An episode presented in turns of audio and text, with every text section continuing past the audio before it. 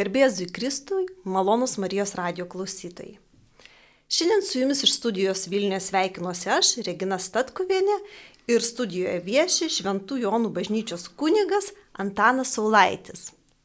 Garbėzui Kristai. Per amžius. Gerbiamas kunigė, nuoširdžiai dėkoju, kad radot laiko šią gražią dieną užsukti mūsų studiją ir tęsėme pokalbį apie darybės. Ir kunigė pastebėjau tiek aš pati ruoždamasi laidom, tiek kalbindama pašnekovus, kad kalbėti apie nuodėmės yra tarsi lengviau. Žinom septynios didžiosios nuodėmės, kaip jų reikia saugotis, žodžiu, mes jas išpažįstame, o apie darybės, kai eina kalba, tampa šiek tiek sudėtingiau. E, ir tų darybių skirstimas, klasifikacija šiek tiek neiški nėra septynių didžiųjų darybių. Ir, ir mažiau aiškios. Kaip Jūs manot, kodėl? Už tai, kad, kaip jūs sakėt, lengviau apie nuodėmės nuo 16 amžiaus apskaičiuota, kad per mišes, sekmadienį, įskaitant skaitinius, maldas ir kunigo žodžius, kas 90 sekundžių buvo minima nuodėmė. O dorybė, Dievo dovana, dar kas nors kita lieka kažkur užkampiai. Tai dabar yra naujas sąjūdis kalbėti apie dorybės, Dievo dovanas, ypatybės, meilė kantri, maloninga ir taip toliau vietoj ten dešimt Dievo įsakymų.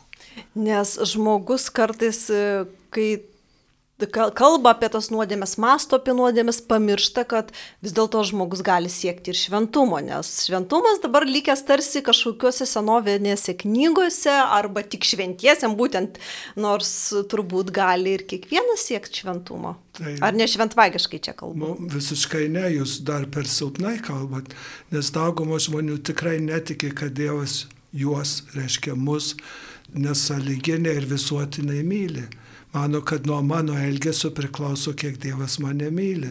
Tai jeigu man sunkiai sekasi, tai reiškia labai mažai mane myli. Tai aš negaliu atsiliepti visą širdimi, nes toks įtartinas ryšys yra su Dievu. O jeigu mes skaitom šventą raštą arba tikim visą tą Jėzaus Kristaus įspūdį, tai tada mes suprantam, kad nieks negali atitraukti mus iš Dievo meilės ir kad tos dovanos, apie kurias kalbam, nėra kažkokių šventųjų, bet yra mūsų. Mūsų, me, mūsų šeimos nariai turi Dievo dovanas, ten kantrybė ir gerumas ir ištvermė ir visa kita. Gerbiamas kunigė, šiandien kalbam apie tvirtumo darybę. Kodėl tvirtumas yra darybė ir kuo jis svarbi? Čia gal ilga filosofija, bet man atrodo, kad tvirtumas yra e, tokia ištikimybė tam keliui, kuriuo eini. Kas ten bebūtų e, gyvenimo būdas, aš visuomet stengsiuosi būti mandagus ir kad ir man kainuoja, bet aš ir su įkyriu žmogum ar net piktu žmogum mandagiai. Tai čia yra tam tikras nusistatymas, aš laikau kažkokio, laikausi kažkokio dėsnio. O esminė prasme dėsnys yra tikėjimas, kad Dievas mus nesaliginė myli ir mes tengiamės savo gyvenimo atsiliepti į tai ir asmeniškai, ir kaip bendruomenėlė. Bet kuo tada tvirtumas skiriasi nuo užsispyrimo, nes gali būti galbūt paprastas užsispyrimas, aš užsispyriu ir, ir elgiuosi, kaip Bet man čia patinka. Čia yra apraiška to tvirtybės ar tvirtumo. Visas tas, kas laiko mus tiesiam kelyje, duoda jėgų, kai kitos jėgos jau senka, silpnėja, yra ta šita dorybė, bet dorybė nėra daiktas, yra gyvenimo būdas arba elgesio būdas. Ji tik yra ten, kur yra žmonės, nėra šalia žmonių, kai yra mumyse. Yra toks populiarus pasakymas tarp pasauliečių, ne koks nors teologinis, kad kiekvienos darybės matas yra saikas. Ir žmogus praradęs saiką, netgi praktikuodamas darybės, tos darybės išvirsta į įdas, į nuodėmės, kaip nuolankumas per didelis į tam tikrą net puikybę, kad, žodžiu, įvertinkit mane, arba koks nors, nežinau, dosnumas švaistuniškumu ir panašiai. Ar galima taip pritaikyti ir kalbant apie darybės? Nu, kad, kad, kad galvojat, kad koks žmogus baisiausiai užsispyręs ir negalim susišnekėti, tai, taip. tai jis per daug apdovanotas yra tą tvirtumu ar, ar kuo nors kitu. Bet čia kalbama apie eilinius, mūsų eilinius žmonės, kurie kiekvieną dieną kovojam už būti, už buvimą, už, už savo šeimos narius, už artimuosius. Tai čia ta filosofija labai įdomi, bet gyvenime yra kaip gyveni, ką darai. Sakykit, prašau, iš tikrųjų gyvenime, kaip jūs gražiai pasakėte, yra kaip gyveni ir kai, kaip darai. Ir dabar išgyvenam, sakyčiau, tokį įdomų laikmetį, kai yra labai daug idėjų, labai daug pasirinkimų, labai daug tolerancijos ir tarsi kiekvienas gyvenimo būdas yra vertinamas kaip geras. Ir ar tu elgesi, nežinau, gyveni santokoje ar nesantokoje, vienodai gerai, aukliai vaikus taip ar kitaip, vienodai gerai. Nėra to tokio bendro sutarimo turbūt, kas yra gera. Ir kaip krikščioniui va tokioj sumaišties laikotarpyje galbūt čia tvirtumas gali padėti. Taip, yra laikytis tvirtai kažkokios nuostatos arba elgesio būdo, kuris yra gyvybingas, kur teikia gyvybę, nevaržo save ar kitus.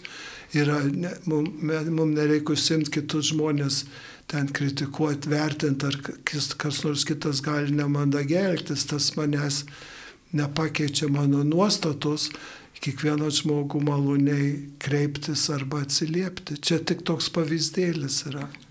O aš galiu duoti pavyzdį vieną iš gyvenimo apie tam tikrą tvirtumą.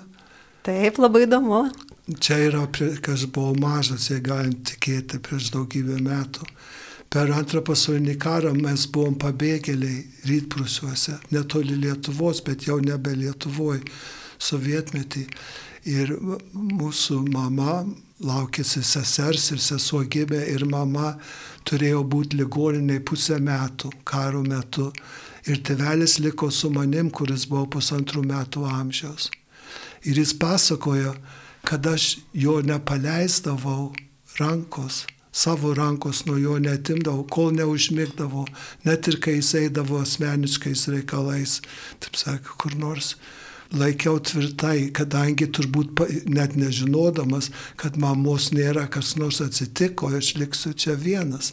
Ir man tas liko į pasakojimas, aš neatsimenu, aišku, pasakojimas, kad kad mes įsikabinam į viešpatį Dievą, kaip tą simbolį išreikštume, kaip aš į tą tevelį ir nepaleidžiam, nežiūrint, kad yra ar pavojinga, ar sunku, ar kažką tokio, aš visada laikausi tvirtai įsikibęs į Jėzaus Kristaus žodį, pažadus Dievo meilę mums, kaip aš įsivaizduočiau tą Dievo ryšį su manim arba su mumis. Tikrai labai gražus palyginimas iš, iš tos vaikystės ir, ir turbūt žmogus geriausia supranta per tokius paprastus dalykus. Tai. Gerbiamas kunigas sakyt, kaip ugdyti tą tvirtumą, nes kartais pasikalbu ir su bendramžiais apie tokius paprastus dalykus, pavyzdžiui, nežinau, apie pasninką. Ir skirtingai žmonės masto. Vieni sako, kad tai yra man padeda ir šiaip ugdyti tvirtumą, ir aš pasininkaudamas įgyju ir kitas savybės, apriboju save. Kiti sako, kad tai yra jau senamadiška ir, ir tas penktadienis ir mėsos nevalgymas, kad čia yra tik Lietuvos, nežinau, katalikų kažkokių senų išsigalvojimas. Kaip Jūs manot, bet tie dalykai, ar, ar svarbu jų tvirtai laikytis, ar čia jau nebe? Čia svarbu, kaip žmogus įsivaizduoja tą viską. Jeigu man svarbu penktadienį valgyti brangę žuvį, tai tada aš tą ir darau. Vietoj, kad valgyti, nežinau, košę ar ką kitą, kas nieko nekainuoja.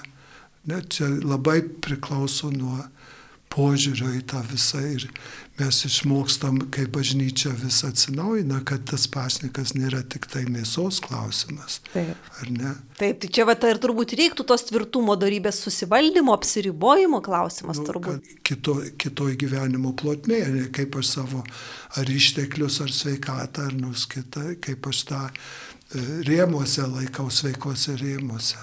Hmm. Taip. Kunigė, kaip Jūs mano, tvirtumo darybė šalia visų kitų darybių, ar jinai yra kažkuo išskirtinė, kodėl krikščionis turėtų ją prisiminti ir suprasti ir pažinti? Man atrodo, yra kaip stuburas. Nu, kaip nugarkaulis, kuris laiko, yra, yra šonkauliai, raumenys ir visa kita, bet kas nors tvirtai laiko tą visą krūvoj. Nu, sujungia visas darybės su, turbūt. Sujungia arba išlaiko ir aš tvirtai laikausi tos. Gali būti, kad yra tokių dalykų gyvenime, kur aš tvirtai nesilaikau, ne, nu, man nežinoma yra, arba nesu patyręs, arba nereikalauja mano gyvenimo būdas. Bet yra tokių, kur žudbūt nepasiduosiu, darysiu taip ir viskas, nesvarbu, kas pasaulis grius, bet aš laikysiu šito kažkokio nusistatymo.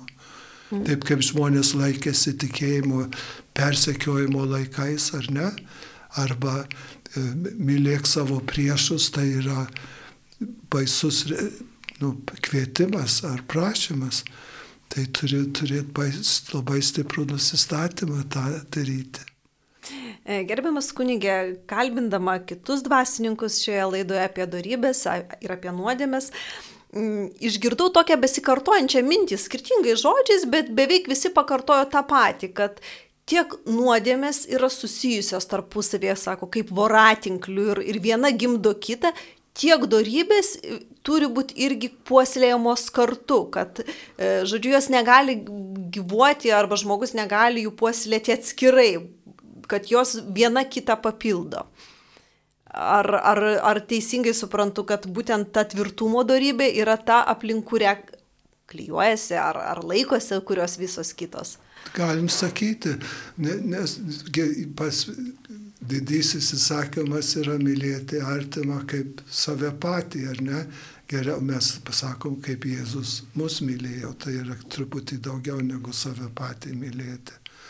Tai priklauso, kaip mes tą, į kokius rėmus įdedame tą nu, įsireiškimą. Man, man atrodo, lengviausia yra, kad aš laikysiuos tų palaiminimų Šventų Mato Evangelijos penktam skyriui, ar ne? Palaiminti vargdienė iš tikrųjų, palaiminti tyra širdžiai, palaiminti taikdariai, sudėk tą visą į krūvą ir turi ko laikytis koks esminis dalykas ir tame visame yra kitos dorybės, ten kantrybė arba uh, dar kas nors maloningumas, mandagumas ir taip toliau. Jie apima visus tuos elgesiu arba Pauliaus tas meilė kantri, maloninga, neieško savo naudos. Jeigu aš sugebu to laikytis, tai tiesiai į dangų kylu. Gerbiamas kunigė, šio laikiniam žmogui aš kartais galvoju, kad netgi turbūt yra sudėtingiau negu e, tam tikrą prasme nei, nei prieš 50 metų, nei prieš 100 metų, nes jam labai daug ateina idėjų. Kartu su visa ta pasiūla prekybos centruose ateina ir dvasinių idėjų. Ir netgi labai dažnai matau, kaip krikščionis katalikai kalba, nežinau, apie karmos taškus. Čia tau taip atsitiko, nes kažkokia bloga karma pastuksena ten, kad nelaimė neatsitiktų. Daugybė tokių dalykų, arba vėlgi eina į bažnyčią, bet čia pat, nežinau, skaito horoskopus ir tikrai jais tiki. Tiki, taip, ir tiki. Ir daugybė tokių dalykų. Kaip, kaip krikščionių atsirinkti visą. Tai aš įsivaizduoju, kad tas tvirtumas ir turėtų turbūt būti tas kelrodis, tas stuburas. Taip, čia jūs labai jau kilintą kartą ir minit, mums bekalbant apie tą didžiulę įvairovę, kad nu, viskas gerai, viskas įmanoma, viską galima, žmonės viską daro ir taip toliau. Kad reikia atsirinkti, kas yra tikrai vertinga, kas teikia gyvybę savo ir ypač gyvybę kitiems. Tai ir tikrai galim net ir moksliškai nustatyti, aš vis galvoju tą ištvermę apie mokytojus, mokytojas. Taip kad kas nors moko, nežinau, ketvirtą klasę ar kažin kokią 20 metų. Kaip ištvermingai reikia iš kartos į kartą iš naujo puoselėti tą mokinių ir darbstumą, ir uolumą, ir džiaugsmą savimi, ir sugebėjimą bendrauti savo tarpę, uždavinius kartu atlikti ir visą kitą. Išmokai tuos ir atsiranda nauja krūva vaikų ir vėl reikia iš naujo tą visą istoriją daryti. Ir taip kantriai, ištverbingai tą ūkdymą vykdo, daro. Tai yra didžiulis pavyzdys šitos ištikimybės arba ištvermės, tvirtumo laikytis geros pedagogikos nuostatų mokykloje. Ne yra tiek daug visokių metodų, bet yra kai kurių, kurie kenksmingi ir net ir mokslas pripažįsta tai. Reikia atsirinkti. Sakyt, kalbant apie darybės, e, vėlgi esu išgirdusi tokią mintį, kad Dievui nereikia darybių, jos yra svarbios mums, kad mes eitume Dievo link ir jų nepaisydami arba manydami, kad tai nesvarbu, pirmiausia kenkiame savo. Tai taip, žinoma, nes nėra darybė, nėra daiktas, yra elges, elgesys. O kunigė dabar labai dažnai kalbama apie vertybės. E, Europos vertybės, nežinau, kažkokios įmonės vertybės, bendruomenės vertybės ir pamirštama apie darybės kalbėti vertybės, mano akimis, yra šiek tiek tokie relatyvūs dalykai. Vienokia vertybė gali būti man šiandien, nežinau, sveikatos reikia, kitokia rytoj, pinigų reikia, trečiokia poryt, gal Dievas žmogus atsisuka. Ar jūs matote tą skirtį tarp vertybių ir darybių? Ir ar nepavojinga taip suplakta ne, savokas? Gal, nežinau, nežinau, gali būti, kad kokia darybė yra vertybė, ar ne? Kantrybė yra didelė darybė, taikingumas, susitaikinimo tokia dvasia yra darybė. Ir tuo pačiu yra, nu, kaip pasakyti, būdo bruožas, elgesio bruožas, nuostata. Nežinau, tas.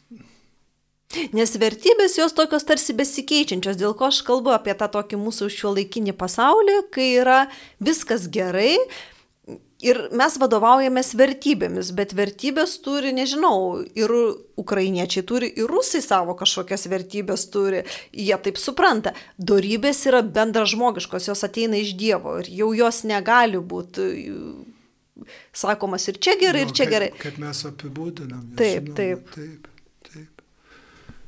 Bet čia yra, koks vaisius yra to elgesio, ar, ne, ar tas yra kokia nors vertybė, kuri kitus skriaudžia, nu, tariama vertybė. Taip. Skriaudžia arba patį žmogų, nu, ne kad kankina, bet varžo arba kaip sumažina žmogaus savivertę. Tai nėra jokia vertybė.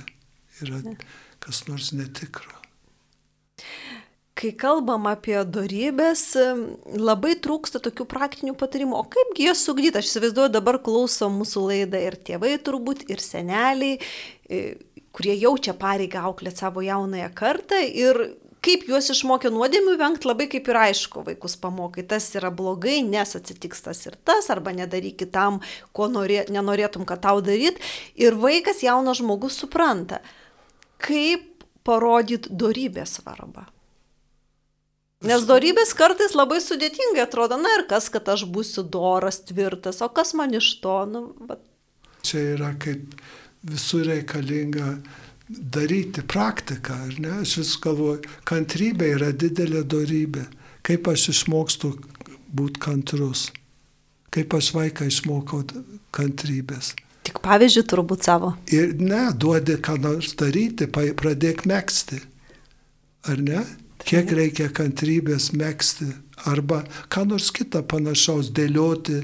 Lego arba dėlionės. Kažkokias dėlionės, ką kitą užbaigti iki galo, kažką pradėjai, nežinau, statyti kažką, užbaigti iki galo.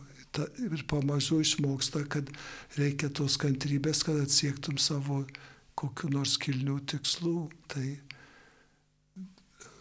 ir su meilė daryti ne, ne iš piktumo ar ten keršto ar kažką kitą. Kaip Jūs manot, kokios darybės šiandien labiausiai mums reikia, kurios, kokios labiausiai pasigenda tiek matydamas, nežinau, tikinčiuosius, tiek, tiek žiūrėdamas žinias ar, ar matydamas aplinką, kuri yra svarbiausia? Nežinau, bet aš, turėjau jau šią vasarą progų keliauti lėktuvu ir visais kitais būdais ir su labai daug skirtingų žmonių bendrauti. Iš įvairių tautų ir kalbų ir visa kita. Ir man kažkodėl šiais metais labai didelį įspūdį daro žmonių toks mandagumas ar palankumas, ar tai būtų bilietų pardavėja, arba patarnautojas restorane, arba tas šalia kurio lėktuvė atsisėdi, kur kažkoks yra maloningas brožas į kitą žiūrėti kaip žmogų, o ne daiktą, kuris čia atsirado ir kad greičiau išnyktų iš mano artumos. Tai aš negalėjau atsistebėti, kiek daug yra e, malonių, dėmesingų, e, rūpestingų žmonių, kur ką nors arba gydytojas, vaistiniai gali paduoti vaistus, kokius tau ten reikia ir iš, išeini lauk, kaip nupirkęs morką ar ką. O sako, neužmirškit, kad reikia prieš tai atsigert vandens ar po to, ar kažką prideda, kas nepriklauso, bet parodo tokį gerumą. Tai aš labai stebiuosi, per daug yra gerų žmonių, yra kas, kas nors netvarkoja, reikėtų. Turėtų būti daugiau tokių piktų erzlių.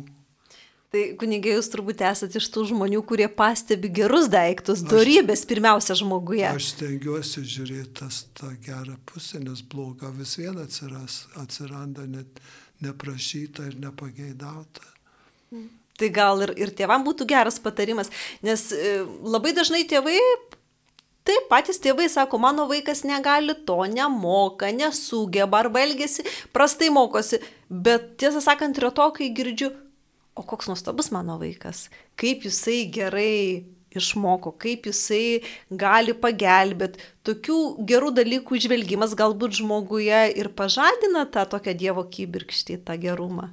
Aš manau, ir esu, esu tą pats patyręs, kai baigėsi skautų stovykla, atvažiuoja tėvai vaikus pasimti, tai kai jūsų Jonukas ar Onutė, nuostabus vaikas, kaip kūrybingai kažkada, sako, mes esam Jonaičiai, jūs gal apie Petraičius kalbat, ne apie mūsų vaiką, kuris yra nuos, žiūrint iš šalies ir nežinant nei tėvų ir senelių, yra nuostabus vaikas, bet tėvai to kažkaip nepastebi. Ir paskui stebisi, kodėl sunku su tuo vaiku bendrauti, su tar. Kadangi vis, mes žiūrim tą blogą pusę, kažką, kad negerai pasielgia ir panašiai. Čia yra amžina ta kova už, už būvį, už gėrį. Mhm. Labai ačiū kunigė, labai gražiai papasakoti iš tikrųjų apie tą tvirtumą. Gal baigiantis laidai norėtumėt palinkėti klausytojam, e, nežinau, atrasti kažkokią darybę, puoselėti, gal kaip su tuo tvirtumu ugdyti ir jį, ir jį stiprinti savyje. Nu, mes žiūrime Jėzų visų pirma, ar ne, bet gal yra kokiu nors kitų šventųjų, kur turi nuoseklę kažkokią darybę arba gyvenimo būdą nuosprendį, misionieriauti pavojingose vietose arba kas moka dirbti su vaikais, šventųjų kaip Jonas Bosko su vaikais arba šventas Ignacas ugdyti suaugusius žmonės į vis į pilnesnį, samoningesnį tikėjimą. O geriausia yra Jėzaus pats mokymas, kaip palaiminimai arba kas nors, kur yra tokia graži santraukėlė mūsų kasdienybei. Mm. Nuoširdžiai dėkoju gerbiamas kunigė už jūsų laiką. Mėly Marijos radio klausytojai, šiandien neturė svečiavosi jėzuitas kunigas Antanas Saulaitis, o kuniga kalbinu aš Regina Statkuvienė. Sudė.